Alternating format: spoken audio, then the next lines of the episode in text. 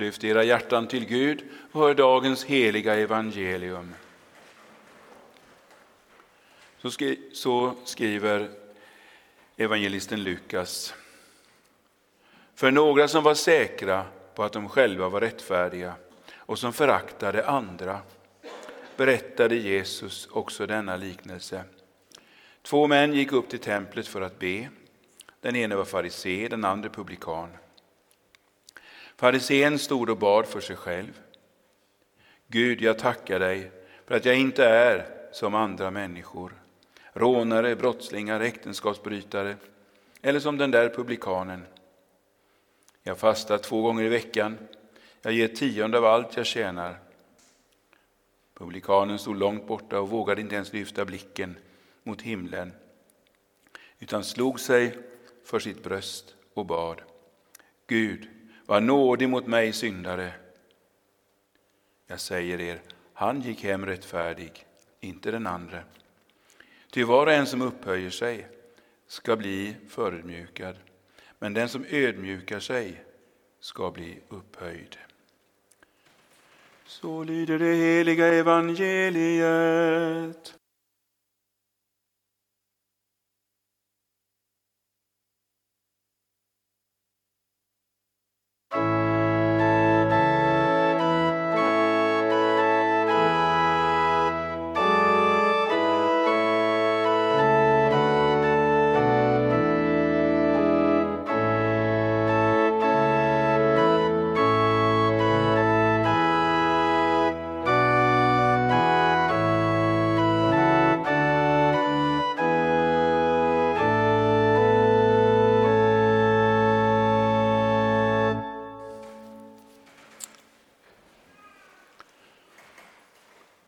Låt oss be kort.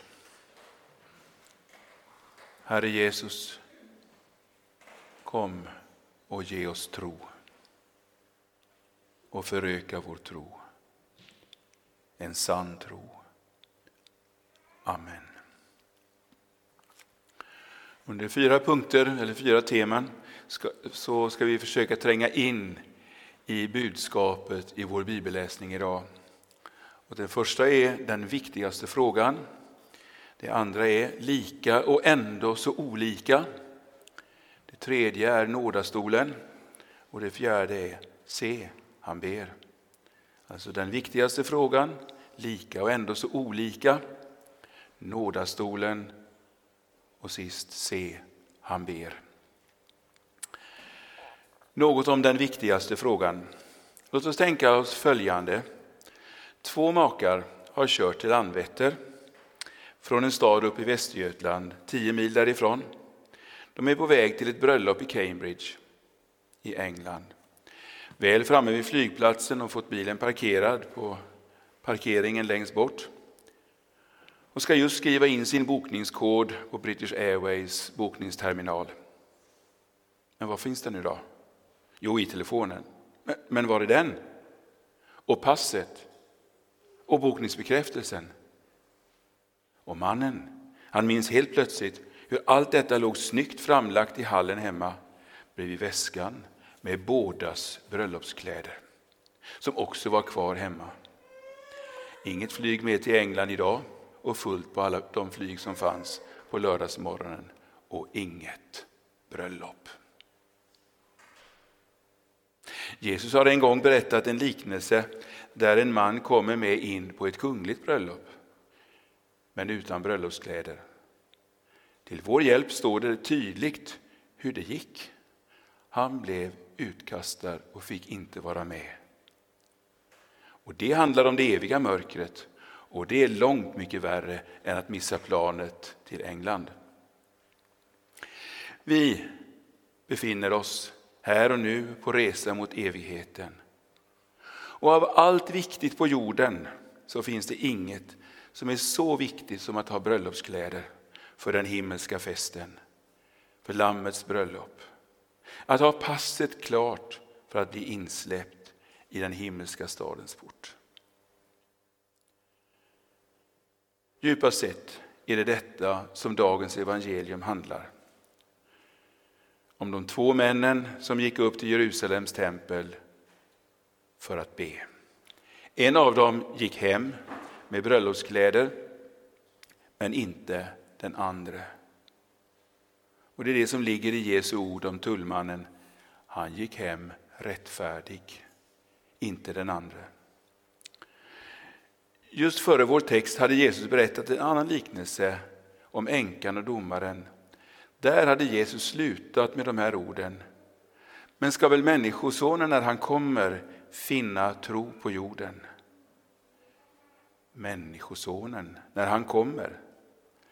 Jesus är väldigt tydlig i allt han undervisar med att lyfta upp evighetsperspektivet. Hans ankomst, uppbrott inför döden eller genom döden, löftet om det eviga livet, varningen för risken att gå förlorad. Vi hör i de där orden som jag läste i eh, Jesu ord och Jesu röst. Han är bekymrad, orolig, sörjande. Ja, det är samma ton som vi hörde förra söndagen när Jesus grät över Jerusalem. Men Jesus svarar själv på frågan om man ska finna tro på jorden genom att berätta om de två männen som går upp till templet för att be. Jo då, han ska finna tro på jorden, men inte där man trodde att den skulle finnas. Tron fanns hos en djupt bekymrad tullman om vilken det står att han gick hem och ägde det viktigaste av allt, rättfärdigheten. Rättfärdigheten från Gud, eller Guds rättfärdighet. Jesu rättfärdighet som vi ska sjunga om sen i sången efter predikan. Det är det viktigaste av allt. Låt oss nu se lite närmare på de två männen i den här liknelsen, eller kanske snarare vi ska kalla det för en exempelberättelse. Så olika fastän så lika. Här kom alltså två judiska män och båda Abrahams ättlingar och hörde båda till det folk som Gud hade räddat ut ur Egypten genom Röda havet. Båda hörde till förbundsfolket som Gud hade slutit förbund med på Sinai. Båda levde under samma tid, i samma ockuperade land, men dock med frimodighet att, frihet att fira gudstjänst i det förnyade fantastiska templet i Jerusalem. Som alla människor hade de Guds lag skrivna i sina hjärtan och de ägde också Guds uppenbarade ord, både i lagen och i löftet. Eller, ja. Båda dessa män kom alltså i Jesu berättelse till templet i samma ärende. De kom dit för att be till Israels Gud. Och vi finner dem båda säkert på det som kallades för männens förgård, utanför prästernas förgård, där inne där man, där man, man kunde utifrån se offerröken från brännoffersaltaret. Det var för övrigt mycket vanligt att man gick upp till templet antingen vid niotiden eller vid tretiden på eftermiddagen för morgonoffret eller aftonoffret. Då offrades först ett försoningsoffer på brännoffersaltaret och det var röken därifrån man kunde se. Och sedan rökoffret inne i templets första rum, det som kallades för det heliga. I Apostlagärningarna kan vi läsa om hur Petrus och Johannes en gång gick upp till templet för att be och det var just vid den nionde timmen, det vill säga klockan tre. Och kanske Jesus tänkte eh, med sin liknelse att det var just vid ett av dessa dagliga offer som männen gick, som så många andra, till templet för att be. Männen var så lika och ändå mycket olika. Den ene gick frimodigt långt fram, ställde sig så att många kunde se honom. Ja, det var så härligt att folk kunde se en, att bli sedd. Och så började han sin bön, hörbart som han brukade. Men han hade ingenting att be om. Han var så nöjd med allt, nöjd med sig själv. Tackade Gud för att han var som han var. Och att Gud kunde vara så nöjd med honom. Och så finner vi honom göra jämförelser med andra. Först med rånare, sen med andra brottslingar, med äktenskapsbrytare. Och han såg sig också så, så ren och, och, och helig i relation till sin hustru. Han var inte som många andra. Hur det var med hans hjärtas inre synder, det var nu inte någonting som bekymrade honom. Ingenting om, om girighet där inne. Inget som gällde otuktig begärelse med orena tankar. Nej, han fortsatte sin jämförelse och kom till tullmannen som stod där långt ner i templet. Ja, sån var han verkligen inte. En sån där som plockade pengar på sin tjänst, eller från människor på sin tjänst för ockupationsmakten. Ja, i tjänst för orena hedningar. Hur kunde han? Ja, sån är inte jag. Och han menade säkert, om vi får använda bilden från början av predikan, att han hade sin väska färdig, att han var resklar. Han hade bröllopskläder. Han menade att han genom sitt goda liv var rättfärdig inför Gud, redo för evigheten. Så helt annorlunda med den ande, han som inte ens vågade lyfta upp sitt huvud och se upp mot himlen. Längst bak bland de bedjande stod han. Och Jesus säger att han slog sig för sitt bröst. Och grekiskan antyder att det var någonting som han gjorde om och om igen, upprepade det. Eh, i sin nöd, i sin bekännelse över sitt liv som syndare. Ja, någonting hade hänt hos honom. Det var inte alla tullmän som var sådana som han, hade kommit dit där han var. Men någonting hade hänt inom honom. Guds ord hade nått in till hans hjärta och han hade sett sin synd. Kanske hade han funnits med bland de tullmän som hade varit med nere vid Jordan och lyssnat till Johannes döparen. Det står att det var många sådana som kom dit. Och kanske att han också till och med var döpt där. Kanske att han också fått höra Jesus undervisa. Och så har han sett sitt liv i Guds ljus och fått klart för sig att girighet, oärlighet, penningkärlek, att allt sånt är avgudatjänst.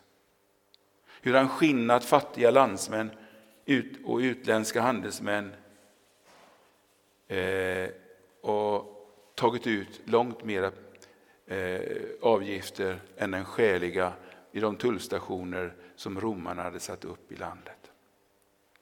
Så hade alltså hans inre vaknat, hans samvete var väckt. Han visste att det var mot Gud han hade syndat. Hela hans inre visste. Och nu fortsatte han att slå sig för sitt bröst. Gud, var nådig mot mig syndare. Det var hans korta bön. Han bad verkligen om någonting, vilket inte den andra gjorde. Han bad om nåd, om verklig nåd, inte om inbillad nåd eller om nåd för att man ska be så. Det var nåd han behövde, verklig nåd för hela sin varelse. Guds totala förbarmande. Och när samvetet har vaknat hos en människa så är Guds nåd och förlåtelse så långt ifrån någonting självklart. Om tullmannen nu hade lyft sitt huvud hade han nog sett röken från offeraltaret. Han hade förmodligen inte förstått vad det betydde. Och kanske att han ändå visste att det hade någonting med försoningsoffer att göra, till försoning för folkets synder.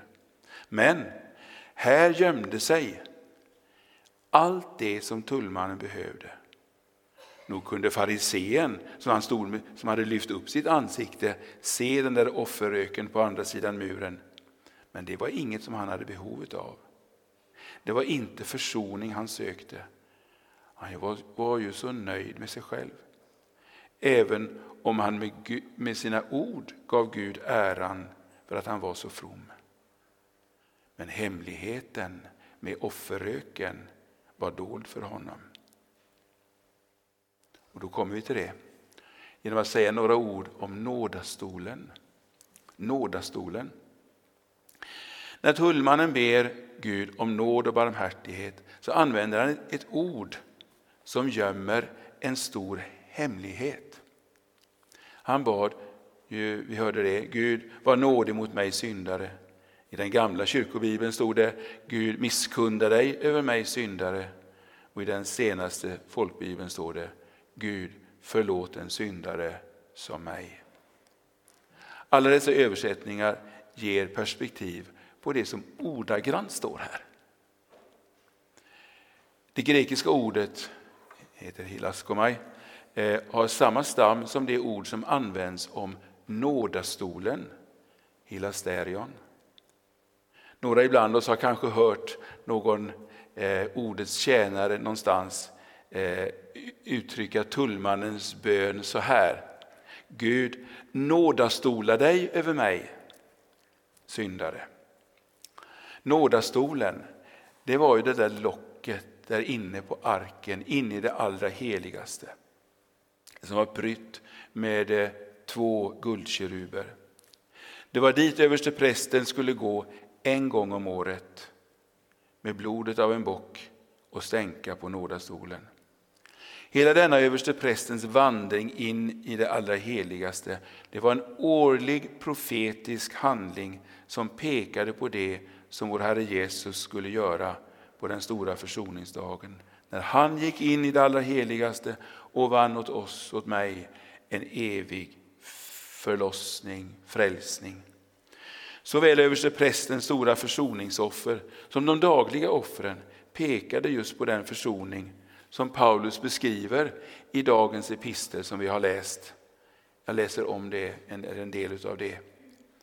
Paulus skrev, alla har syndat och saknar härligheten från Gud och de förklaras rättfärdiga som en gåva av hans nåd därför att de är friköpta av Kristus Jesus. Honom har Gud, och hör, ställt fram som en nådastol genom tron på hans blod. Här beskrivs försoningsgärningen som Jesus utfört med de orden att Gud har ställt fram honom som en nådastol för att tas emot i tro på Jesu blod. Gud han straffade alla människors alla synder på Jesus för att var och en som tror på honom ska få full förlåtelse genom hans försoningsblod.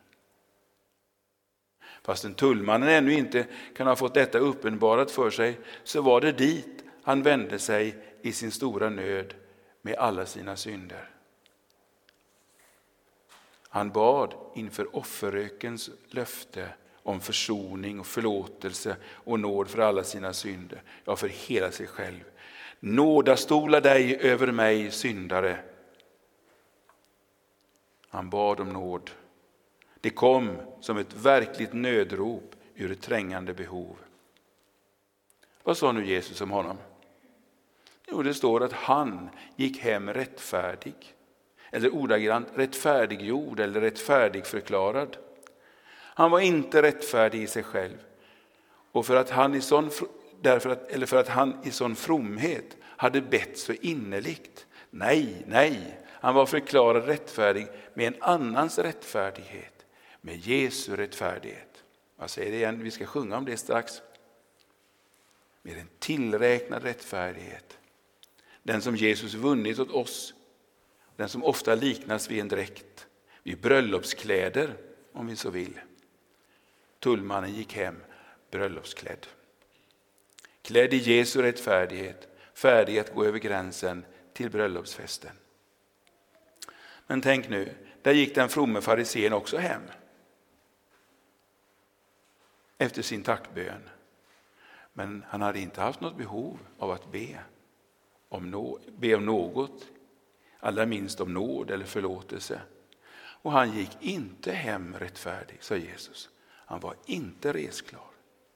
Och han levde nu med sina fromma tankar livsfarligt nära förtappelsen.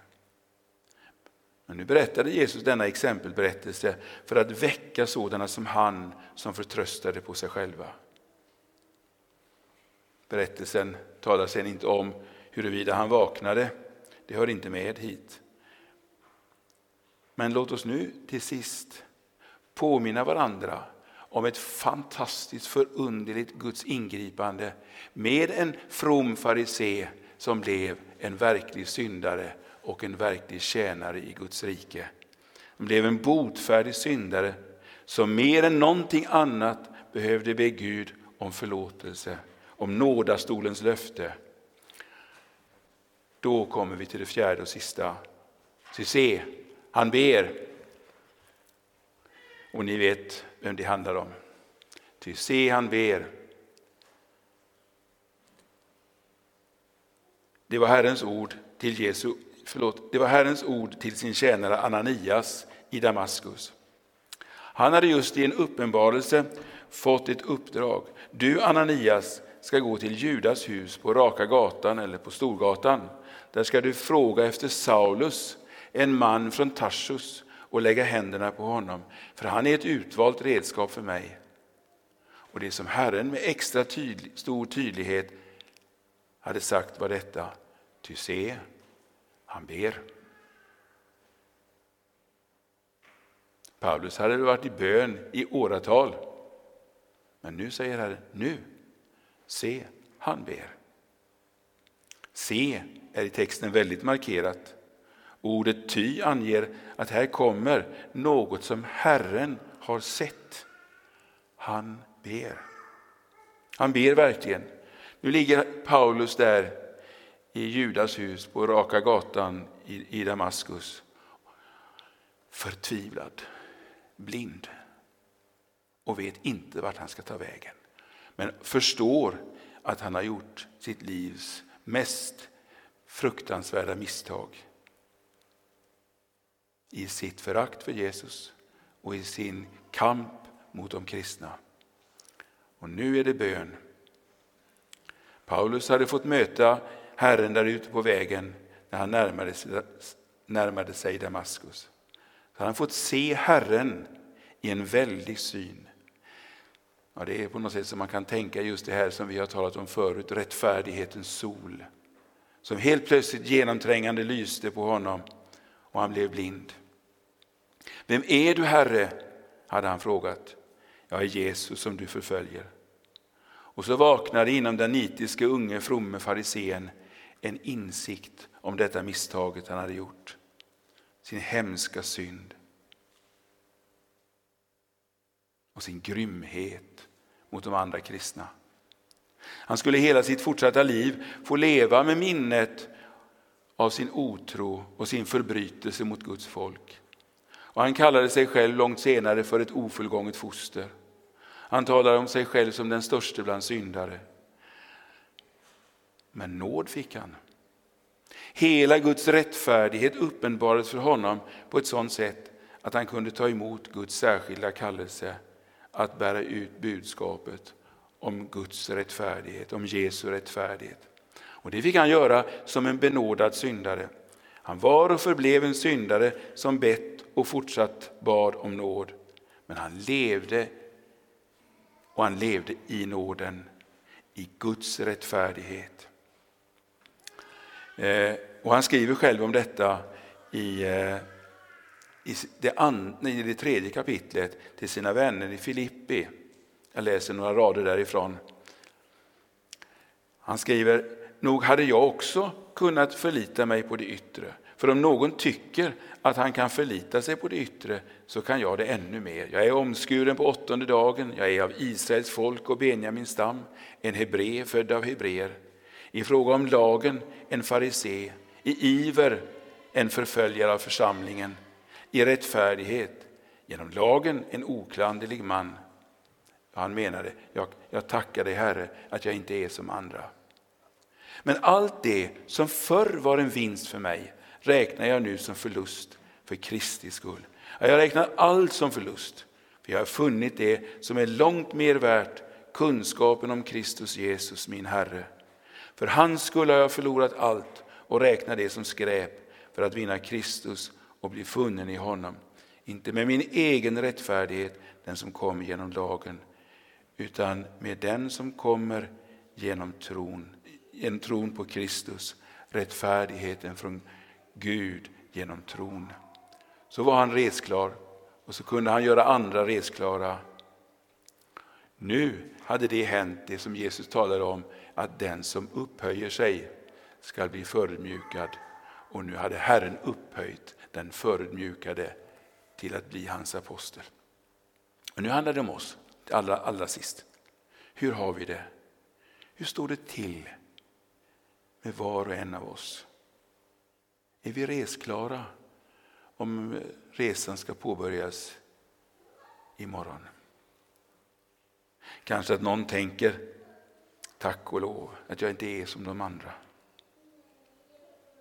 Oj, är du där och jämför dig med andra? Du bedömer kanske din, stat, din andliga status utifrån andra människor som du kan döma ut. Så framstår du själv på ett visst sätt i en bättre dager. Eller om samvetet skulle börja säga något om ett eller annat så kanske du ursäktar det med ja, ja, ja, men, men det är väl inte så farligt för Gud förlåter säkert. Men du tror på en förlåtelse som du inte hämtar ut. Har ingen syndanöd. En sådan nöd där man inte kan få någon ro utan att få tala ut med Herren. Tala med honom om hur det faktiskt ser ut där inne och om vad jag faktiskt har gjort eller tänkt. Man har ingen, inget behov av nåd, verklig befriande nåd. Vad är ditt hjärtas tankar när vi kommer till syndabekännelsen? Är det en bön som du sitter tyst vid? Eller kanske rabblar, ber pliktskyldigast? Eller är det ditt hjärtas bön? Jag rop om nåd, om Guds förlåtelse för dina synder. Och när du på kvällen lägger dig för att sova efter en hel dags arbete, alla möten med människor, saker som blivit gjort, gjorda eller kanske försummats, är det då som Herren kan få säga Se, han ber. Se, hon ber. Då somnar du i Jesu rättfärdighet. Och därmed är vi tillbaka där vi började predikan idag, om res, att vara resklar. För bröllopskläderna, det är ju nu Jesu rättfärdighet. Och passet, det har jag inte talat om, det förtjänar en helt ny predikan. Men det är Guds ande som inom dig säger Abba, käre far. Du är min gode far och av hjärtat säger Jesus är Herre, Jesus är min Herre. Ja, du säger det till Jesus, du är min Herre. Och anden hjälper dig varje dag att se dina synder så att du dag efter dag har anledning att komma fram till Jesus, till nådastolen, om och om igen för att få ny nåd. Ända tills han kommer. Och han har sagt, se, jag kommer snart. Och klädd i Jesu rättfärdighet kan du också säga, ja Herre, kom. Amen. Herre Jesus, ge oss tro och bevara oss i tro. Låt oss få vara helt färdiga när du kommer i din stora härlighet. Nu känner du var och en av oss och vet vad vi behöver. Gör det, Herre, med var och en i vår församling. Det ber vi om i ditt eget namn. Amen. Låt oss nu tillsammans bekänna vår kristna tro. Vi tror på Gud Fader allsmäktig, himmelens och jordens skapare. Vi tror också på Jesus Kristus, hans enfödde Son, vår Herre, vilken är avlad av den helige Ande, född av jungfrun Maria, pinad under Pontius Pilatus, korsfäst, död och begraven, nederstigen till dödsriket, på tredje dagen uppstånden igen ifrån de döda, uppstigen till himmelen, sittande på allsmäktig Gud Faders högra sida, därifrån igenkommande till att döma levande och döda.